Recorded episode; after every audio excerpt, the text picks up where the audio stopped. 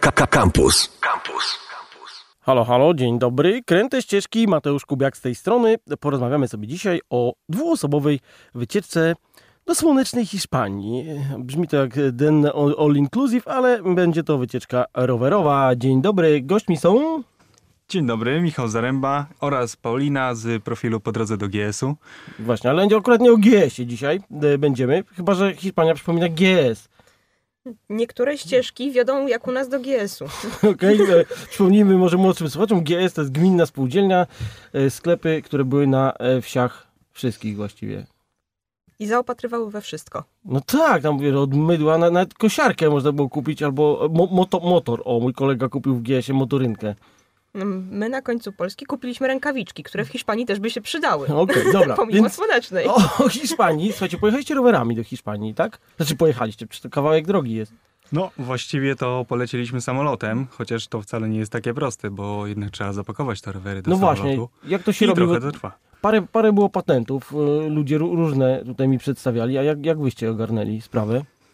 E, ogólnie całe pakowanie rozpoczęliśmy już w domu i polega to na tym, że po prostu trzeba się zmieścić w wadze określonej i rower z bagażem musi tam ważyć w okolicach 30-32 kg. Najlepiej to wszystko zestreczować razem do kupy, e, razem z namiotem, wszystkimi sakwami, po prostu poskładać rower, koła, pedały, kierownicę i Ale śmiało Co, można to strecować. streczujesz i żeby to było w miarę jakieś... y, Żeby to było po prostu stała taka wielka paczka. W tym momencie dwa rowery takie się nadaje jako sprzęt sportowy i lecą po prostu z nami za jakieś tam grosze. Okej, to pięknie. Jakie linie tam latają? My w jedną stronę lecieliśmy Wizerem, wracaliśmy Ryanerem, ze względu na to, że e, Wizerem polecieliśmy na wybrzeże, do Alicante. Przejechaliśmy do Madrytu i z Madrytu wracaliśmy już Wizerem. Okej, czyli na dwa y, tanie przewoźniki moż, można to zrobić. No i dobra, i jak, jak objazd wyglądał? Odkąd dokąd? No, zaczęliśmy właśnie podróż w Alicante. Co prawda trzeba było najpierw poskładać te rowery na lotnisku, te, co też swoje trwa. I omijaliśmy główne miasta, trochę wzdłuż wybrzeża, a później zapuściliśmy się w różne dziwne wsie w górach, żeby dotrzeć właśnie do Madrytu. No dobrze, wsie w górach. Brzmi ciekawie. No, zwłaszcza e, okolice, chyba najbardziej nam się podobały okolice wąwozu Otonel e, i tam, e, co tam Co tam było Ku- wąwozie? było? Co, tak co tam było? Nie nastawialiśmy się w ogóle na miasta. Chcieliśmy pojeździć. Celem było jeżdżenie, więc nie patrzyliśmy, czy po drodze mamy zabytki, czy po drodze mamy e, jakieś ciekawsze e, zajawki turystyczne. Nie, mieliśmy wsiąść na rower i kręcić. Wiedzieliśmy, że mamy przed sobą bardzo ambitny cel, bo to były góry. To był kwiecień, więc my w ogóle nie przygotowani do sezonu rowerowego po zimie. To może trzeba było jakąś puszczę kampinowską najpierw zrobić, czy coś? Nie, no, Nie jakiś no. tam je, jeden rozruch zrobiliśmy, żeby nie, nie być totalnie nierozgrzani, ale założyliśmy sobie, że podchodzimy do tego na luzie, mamy do przejechania 700 km przez 10 dni. Po górach. Y, no, dobrze, dobrze się zaczyna. No. Tak, więc tutaj kompletnie nie nastawialiśmy się na zwiedzanie. Po prostu wsiadamy rano na rower i jedziemy przed siebie tyle, ile damy radę. Mieliśmy dwa dni zapasu założone, które przeznaczyliśmy na zwiedzanie Madrytu. Na, na sam koniec, no bo samolot wykupiony. Jak nie, do, jak nie, nie dojedziemy, to nie wylecimy. No tak, no to, to jest, jest jakby, no nie da się inaczej, trzeba dojechać. Dokładnie, także e, wyjechaliśmy z tego Alicante e, trochę na północ, właśnie później już w, w środek. I tutaj chyba drugiego dnia mieliśmy największą zagwozdkę, ponieważ e, tylko ci, którzy jeżdżą na rowerze, wiedzą, że przejechanie 4 kilometrów może być udręką. Zajęło nam to parę godzin, ze względu na to, że pokonaliśmy przewyższenie 400 metrów w górę. Mm. Na każdych 10 metrach w przód podjeżdżaliśmy metr do góry z rowerami ważącymi w granicach 30 kg. Aha. Znaczy ja się zastanawiam, czy bym nie pchał pod góry. By, były momenty, że nie daliśmy rady ze względu na przykład na ciężkie sakwy z tyłu, że po prostu stawiało rower do góry, więc trzeba było go wpychać. Które to są góry? Bo wylądowa... Gdzie w ogóle wylądowaliście? Jak to, jak to wygląda? Wylądowaliśmy pod Walencją, w Alicante. Alicante, dobrze. tak, u, u wybrzeża Morza Śródziemnego. To jest mniej więcej w połowie drogi do między we, w, Walencją a po, południową to najbardziej słoneczną Hiszpanią. Południowy wschód. Tak, po, południowy wschód Hiszpanii. Także podjechaliśmy troszeczkę do góry i później praktycznie w linii poziomej przejechaliśmy e, do Madrytu. No oczywiście odbijając sobie do mniejszych y, miejscowości. E, Jak wspomniałeś o inkwizycji, no kościoły e, opuszczone w całym kraju, bardzo, bardzo ciekawe. W jednym z nich widzieliśmy za drewnianymi drzwiami zaparkowaną Toyotę. Mm, W kościele. W kościele na środku. No, ja W widziałem w pod kościele dachem. krowy w Gruzji też, które w niedokończonym sobie siedziały. A to w niedokończonym. A tutaj rzeczywiście stary kościół, tam datowany na XIV-XV wiek, po prostu w samej cegle za drewnianymi drzwiami parking. Ale dlaczego opuszczone? Czy tam się, nie wiem, coś po, pozmieniało e, wierzącej bardzo głęboko Hiszpanii? Te wsie w dużym stopniu były wyludniałe. O, no to może o tych wsiach wyludniałych coś bym chętnie się dowiedział. Ja wam szczerze powiem, że w Hiszpanii to wiem bardzo mało, więc właściwie będę tutaj grał laika kompletnie. Nie, będę sobą, może tak. Znaczy, jeżeli o to chodzi, my też podeszliśmy do tematu bardzo laicko, tak jak y, wspomniałam wcześniej, po prostu mieliśmy jechać. Mhm. Y, I odkrywaliśmy to wszystko na bieżąco. Y, Dzień po dniu, właśnie przejeżdżając przez takie wsie, głównie stawialiśmy na przyrodę, więc y, jechaliśmy z dala od miejscowości. Jak wjeżdżaliśmy do nich, to najczęściej na zakupy, gdzie tutaj też jest bardzo problematyczna kwestia z punktu widzenia podróżnika i roweru, ponieważ jest siesta. O, Jest- ła- właśnie, miałem się zapytać o to, bo to jest, to jest coś, czego ja kompletnie nie rozumiem, mieszkaniec północy. Niestety nas do, dotknęło naprawdę dosyć mocno, ponieważ w każdej miejscowości siesta zaczynała się różnie. Czasami o 11, czasami o 12, czasami o 13. Jak to o 11 już? Tak, tak. No tak generalnie dosyć luźno podchodzą do życia, więc yy, no tak to bywało. I problem jest z tym, że na rowerze nie można zabrać zbyt dużo rzeczy, na przykład do jedzenia czy czegoś takiego, więc yy, planowaliśmy te, że tak powiem, miejscowości jako jakieś tam punkty do zakupów, żeby tam jakieś makarony czy coś tam na obiad sobie zrobić na własnej kuche- kuchence. Ale no dojeżdżamy do miejscowości, a tu roleta zasłonięta, zaciągnięte, no i co? I dowiaduj się, o której będzie otwarty, czy o 15, czy o 16. I tak sobie siedzieliśmy, piliśmy kawę, robiliśmy, nie wiem, tam jakieś inne dziwne rzeczy w tym mieście, jeżdżąc po prostu, krążąc bez celu, tylko po to, żeby otworzyli nam sklep i można było coś zjeść. Samochodem pojechałoby się do następnej miejscowości albo zrobiło wieczorem zakupy, a jeżeli my się musieliśmy rozbijać przed zmrokiem, bo szukanie miejscówki na dziko nie, nie jest zbyt mądrym pomysłem w obcym terenie po, po ciemku. Tak, tak, może tutaj właśnie powiedzmy, że e, tak e, realnie to wszyscy, którzy chcą spać na dziko, to powinni sobie to załatwić e, godzinę przed, wschodem, sło- przed zachodem słońca, żeby to miało ręce i nogi. Tak. Bo, No i tak, to jest taka żelazna zasada, że po ciemku to się już nie rozbijamy, to już jest za późno, zdecydowanie. Łatwiej jest znaleźć w ogóle jakieś miejsce na nocleg, kiedy jest jeszcze jasno, kiedy słońce jest w miarę wysoko. Wtedy jest po prostu dużo, dużo łatwiej i można znaleźć bezpieczne miejsce, przede wszystkim bezpieczne. Tak, no, znam takie historie, że człowiek potrafił się obudzić, bo znalazł górkę taką, że akurat przy, przyłożył głowę do niej i potem się okazało, że spał na grobie. No, ciekawe.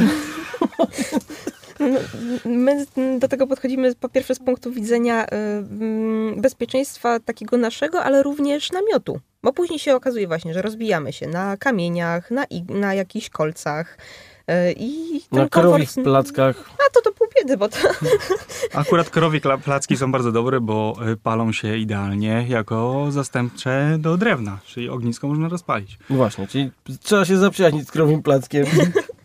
Tak, jest z punktu widzenia ogniska, tak, E, ale też później komfort spania, bo nie za dnia widzimy, czy jesteśmy bliżej zabudowań, miejscowości, czy ktoś się kręci, czy kręcą się zwierzęta, bo, bo tutaj właśnie mieliśmy jeden taki przypadek y, za, za miejscowością Huete. Prze- Przepraszam wszystkich za, za hiszpański, do którego byliśmy zupełnie nieprzygotowani. No i, i co tam, I- co, co do was przyszło? Y, No, pies, który brzmiał jak, ja wiem, dog. Kopał nam wokół namiotu, szczekał na nasz namiot, e, bo rozbiliśmy się zaraz koło sadu pomarańczy. Już było właśnie ciemno, bo nie zdążyliśmy dojechać tam, gdzie chcieliśmy. Przebijaliśmy się przez długą miejscowość, oczywiście górzystą, także gdzieś z godzinę straciliśmy. No i to była ta godzina, którą powinniśmy się rozbić przed miejscowością, a chcieliśmy za. E, Rozbiliśmy się właśnie koło sadu pomarańczy. W samym sadzie nie mogliśmy, ponieważ jest nawadniany i z samego rana rusza, rusza nawodnienie, więc Ale gadaliście z kimś, że tu się chcecie walnąć, czy Nie. po prostu przy drodze buch i śpimy? Znaczy nie, nie przy samej drodze, trochę w ten sad się e, wbiliśmy, znaleźliśmy właśnie takie e, miejsce, które po ciemku wyglądało na względnie bezpieczne, ale po godzinie czy po dwóch właśnie okazało się, że wypuścili psy do sadu. Jeden był taki, no brzmiał naprawdę na groźny. Co prawda nie zostawiliśmy żadnego jedzenia na zewnątrz, więc teoretycznie nie przyszedł do jedzenia, no ale ewidentnie obwąchiwał, przeczekiwał namiot, więc to, to z takiej e, mniej przyjemnej części. Ale zakończył misję, czy całą noc tam Zakończył, ale to i tak już noc stracona, bo to się człowiek całą będzie stresował. No myśleliśmy, czy wróci, czy nie wróci, czy przyjdą właściciele od tego psa. E, Nigdy, śpiąc na dziko na całym świecie, nie mieliśmy problemu, że przyszedł gospodarz i, i nas wygonił, czy że był, nie wiem, niemiły, agresywny. Zazwyczaj to było tak na zasadzie, co tu robicie, tylko po sobie bałaganu nie zostawcie. Bo, bo Słusznie, tak, się, tak się kończą zazwyczaj. No widać, że nie, nie jesteśmy ani, ani żadnymi złodziejami, że po prostu z, ze sprzętem, z namiotem wokół siebie posprzątamy i uciekamy. Ale, ale no, większym zagrożeniem są tutaj zawsze zwierzęta. No dobrze, słuchajcie, a jedną rzecz się chciałem zapytać. y, O tej porze roku jak Hiszpania y, wygląda ogólnie? Pewnie wysoko w górach inaczej, na dole inaczej, ale jaką mamy temperaturę? No bo u nas to wiemy mniej więcej ten kwiecień, budzi się przyroda, takie jest nie wiadomo co, a, a No, tam? gdy, wylądowa- gdy wylądowaliśmy w Alicante, to generalnie przywitała nas taka fajna pogoda. Było z 25-8 stopni, to jak na wybrzeże i morze, to było super. Od razu pierwsze co, to pojechaliśmy na plażę, zobaczyć y, jak ciepła jest woda. Oczywiście no, zbyt ciepła w kwietniu to nie No, była. ale na Polaka Ale generalnie nie mogłem sobie odpuścić i oczywiście trzeba było się wykąpać obowiązkowo. No ale pierwsza noc już y, dała o sobie znać i temperatura zeszła, no gdzieś w okolice 3-4 stopni, a jak wjechaliśmy w góry, no to już w ogóle zaczęło się wesoło, bo nocy były około zera i poranki tak samo tam około 5-6 stopni, ale na przykład w dzień, po południu, godzina 14, słońce bardzo wysoko, to dochodziła temperatura do 30 kilku stopni, także amplituda dzienna była ogromna, naprawdę. Więc y, mieliśmy dzienny system ubierania, rozbierania. Rano zakładaliśmy na siebie wszystko, co mieliśmy. No w sakwach nie, nie, nie przechowamy, nie wiem, czterech swe- swetrów y, i, i tego typu rzeczy, więc y, tylko kurtka przeciwwiatrowa deszczowa, no to sweter, jakiś długi rękaw pod spód. No i oczywiście długie spodnie i, rękawiczki. Koło dziewiątej zdejmujemy kurtkę. Koło dziesiątej zdejmujemy sweter. Koło dwunastej przerzucamy się na krótki rękaw, krótkie gadki. To się nazywa e, żyć w rytmie przyrody. A najgorsze, że jak przychodził wieczór, to trzeba było robić to samo, tylko odwrotnie. Tak, Nie no, ale to się chyba nauczyliście. tak. tak. Słuchajcie, tak. życie zgodnie z przyrodą, spanie na dziko i te klimaty tylko w krętych ścieżkach. E, Słuchaj, dziś jesteśmy w słonecznej Hiszpanii. Tej, że tak słoneczna to ona jest w ciągu dnia, o poranku i wieczorem to różnie z tą słonecznością, to, ale dobrze, mówiliście, że jedziecie rowerami przez mm, wiochy mniej lub bardziej zaludnione. A jak kontakt z miejscowym establishmentem, że tak to nazwę? Nie no, miejscowi autochtoni to y, generalnie ciężko się z nimi rozmawiało, może dlatego, że my języka hiszpańskiego to w ogóle nie znamy. No, a my nie znamy hiszpańskiego, oni ani słowa po angielsku, więc y, najlepiej no to ręce i na migi. Tylko, że takie proste tematy można poruszać, typu gdzie droga, jak gdzie tu przesąd przenocować, gdzie można się wykąpać, czy coś w tym stylu, a ogólnie jakichś tematów takich życiu, o życiu to nie bardzo. No, czyli po, o życiu nie pogadaliście. też nasz błąd, bo w sumie dosyć późno podjęliśmy decyzję o, o tym wyjeździe, więc nawet jakbyśmy chcieli się nauczyć hiszpańskiego, to w dwa tygodnie. Ale co, nie jakieś mieliśmy por favor umieliście chociaż? Czy, czy... Bu- Buenos dias, Buenos dias, Jusiarra, senior Sierra i tyle.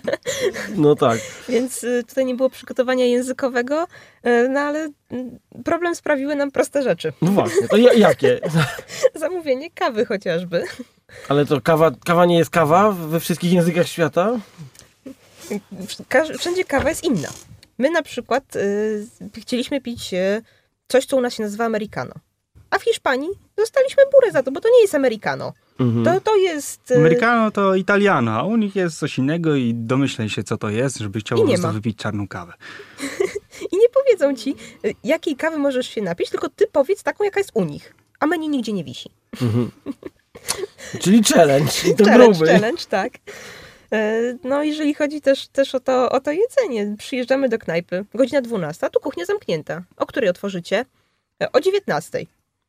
Świetnie. No to tak, ale to hiszpański tryb melanżu jest taki, że oni zaczynają Tak. się bawić o, o pierwszej w nocy i to może wtedy jak po prostu poprzestawiasz te godziny tak odpowiednio, to to, to się, się złoży wszystko razem. Dla nich to po prostu jest nadal siesta. Tak samo jak sklepy są zamknięte, tak samo zamykają bary, a właściwie zamykają konkretnie kuchnię. Można się napić właśnie kawy albo ewentualnie piwa i, i to wszystko. Okej, dobra, ale to tak jak już wiemy, że w Hiszpanii jest problem z kawą, to powiedzcie tutaj, bo ta audycja ma nie tylko bawić, ale też uczyć, yy, jak się te kawy nazywają w Hiszpanii? Do, do tej pory do tego nie doszliśmy. Zaczęliśmy zamawiać espresso, które przechodziło w większości miejsc. A, okej. Dobra, espresso plus body language i jakoś to będzie. Tak, tak. Jak było menu, to była sprawa ułatwiona, bo pokazywaliśmy to. No, nie, no to wiadomo, to... Ale nie wszędzie było tak łatwo. E, To, to samo dotyczyło jedzenia.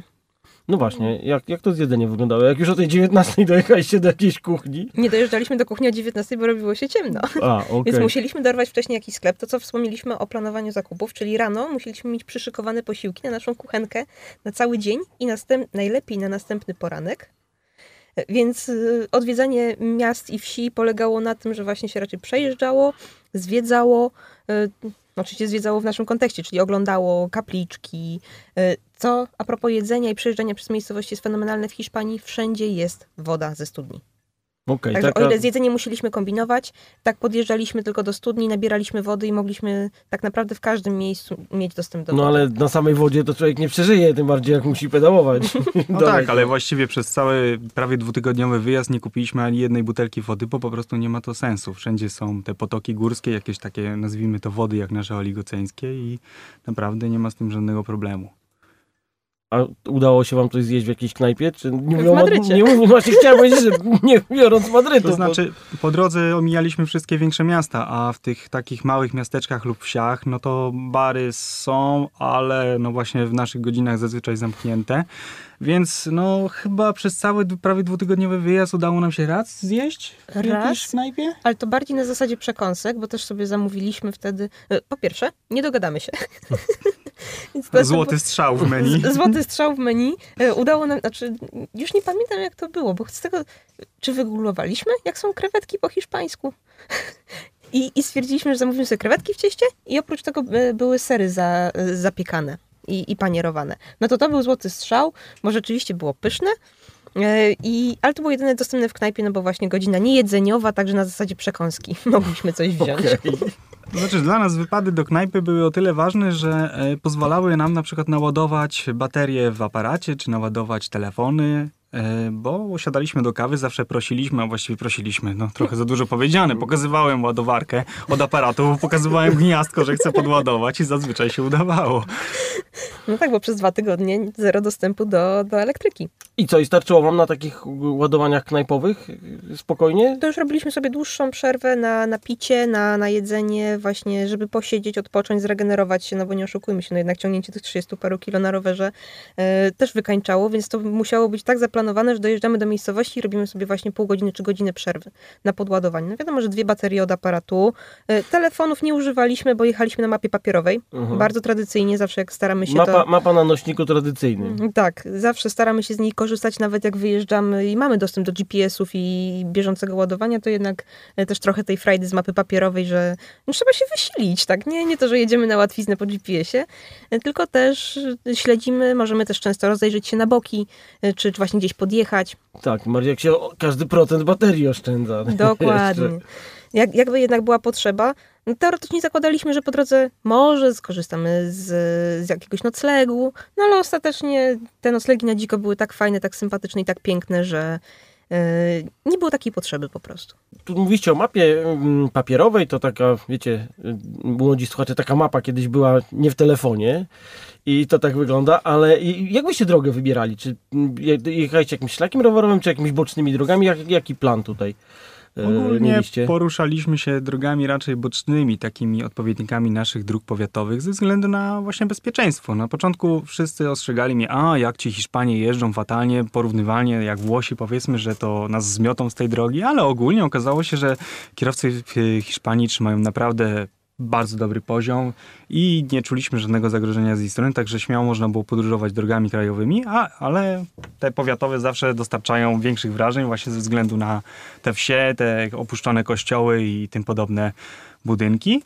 E, Szlaków rowerowych, no za wiele tam nie ma, bo po prostu drogi te e, lokalne są na tyle puste, że chyba nie ma sensu wytyczania takich szlaków.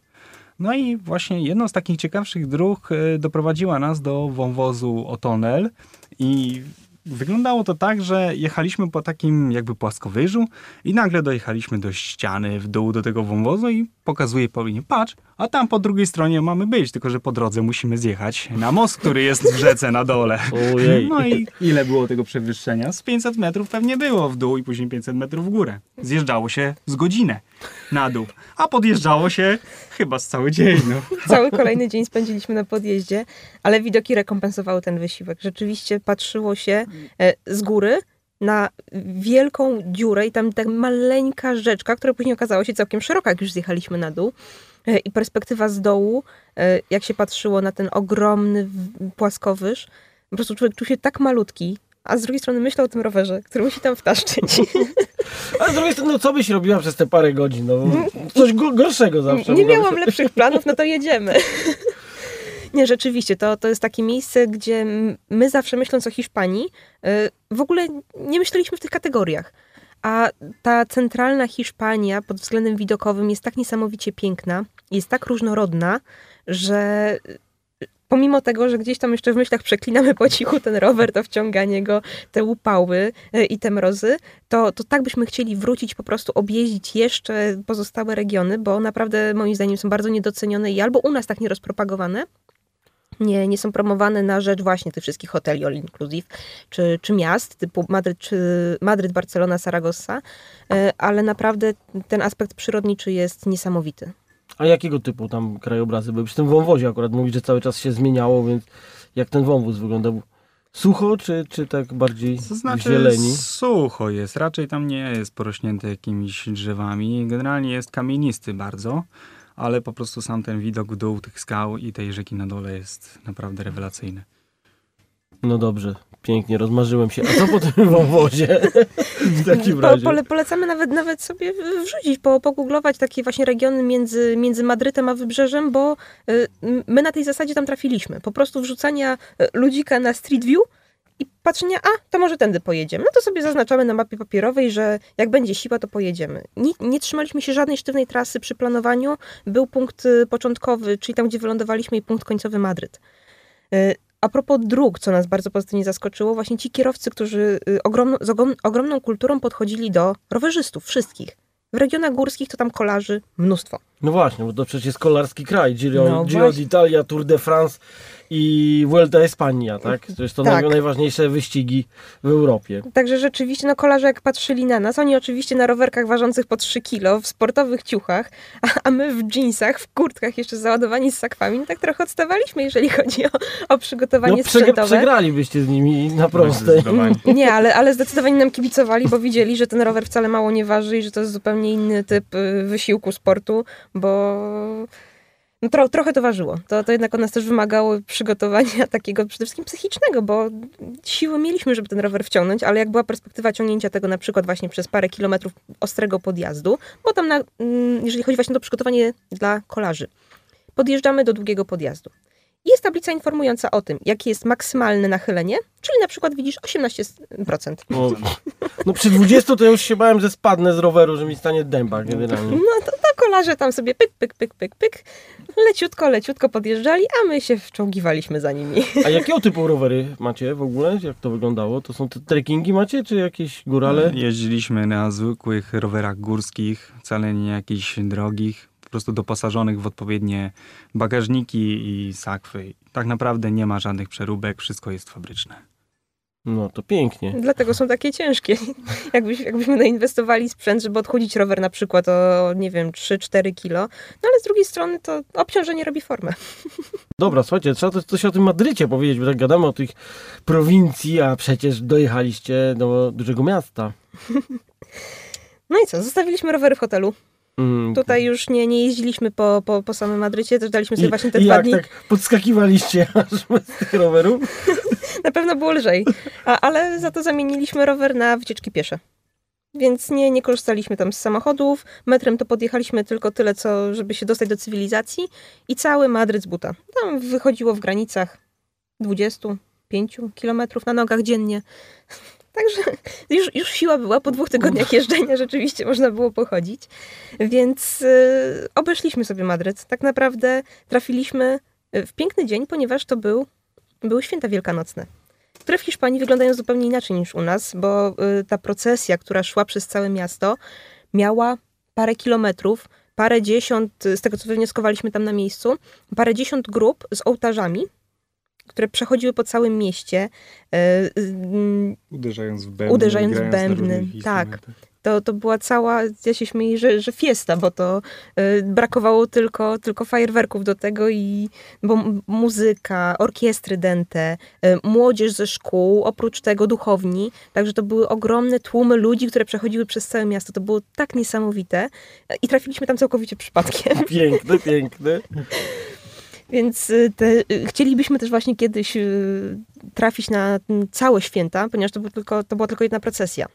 A to w, którego dnia byliście świąt? Co to E, było? To, to była Wielka Sobota. Wielka sobota, tak, tak. brzmiało sobotnio. Tak, tak, tak. To, to była Wielka Sobota, bo, bo w, już w niedzielę wielkanocną wracaliśmy do Polski. Także musieliśmy tylko dotrzeć do hotelu, zapakować rowery. I co, i z Madrytu już lecieliście e, Tak. potem? Tak, z Madrytu na, na lotnisko w, w Modlinie. No oczywiście trzeba było się wykwaterować z hotelu. W I międzyczasie, zapakować rowery. w Nie, jeszcze międzyczasie dojechać na lotnisko i dopiero tam zapakować A, rowery. No bo Tak. inaczej byśmy ich nie przewieźli. no, Zapakowanie rowerów na lotnisku już jest trochę trudniejsze niż zapakowanie ich w domu. Pierwszym wyzwaniem było zakupienie folii stretch. Tak, trzeba było znaleźć odpowiedni market, który to posiada, ale przecież się nie dogadasz za bardzo, gdzie znajdziesz folię, więc pojechaliśmy na szczęście do jakiegoś po prostu wielkiego budowlanego i tam było. No tak. No dobra, słuchajcie, to musimy kończyć powoli, niestety. Y, I y, macie jakieś zdjęcia na swoim GS-ie na przykład z y, tamtąd, czy, czy, czy gdzieś indziej i chcielibyście się tym pochwalić przed milionami słuchaczy? Na, na GS-ie? G- GS raczej jest kierunkiem wschodnim, więc, więc tam dzielimy się tą, tą częścią wschodnią, aczkolwiek Parę zdjęć na pewno pa, się parę znajdzie. zdjęć na pewno znajdziecie, szczególnie jeżeli chodzi o, o ten kanion, który robi największe wrażenie. No dobra, to podsumowując, bo już powiedzieliście, że warto tam jeździć i nikt nie jeździ, ale co, polecacie okolice? Hiszp Hiszpania na rowerze. O, taki, te taki temat musimy sobie rzucić. Czy polecacie Hiszpanię na rower? Nie, nie jeździcie tam, to będzie wtedy mniej turystów i będzie lepiej dla nas. No. To wtedy my pojedziemy i będzie pusto. Okej, i e, z tym zostawiamy was e, na zawsze. Jeździcie tam, gdzie jest jeszcze pusto. Generalnie. Dobrze, dziękujemy w takim razie. Dziękujemy. Gośćmi byli. Michał? I Paulina Zaręba.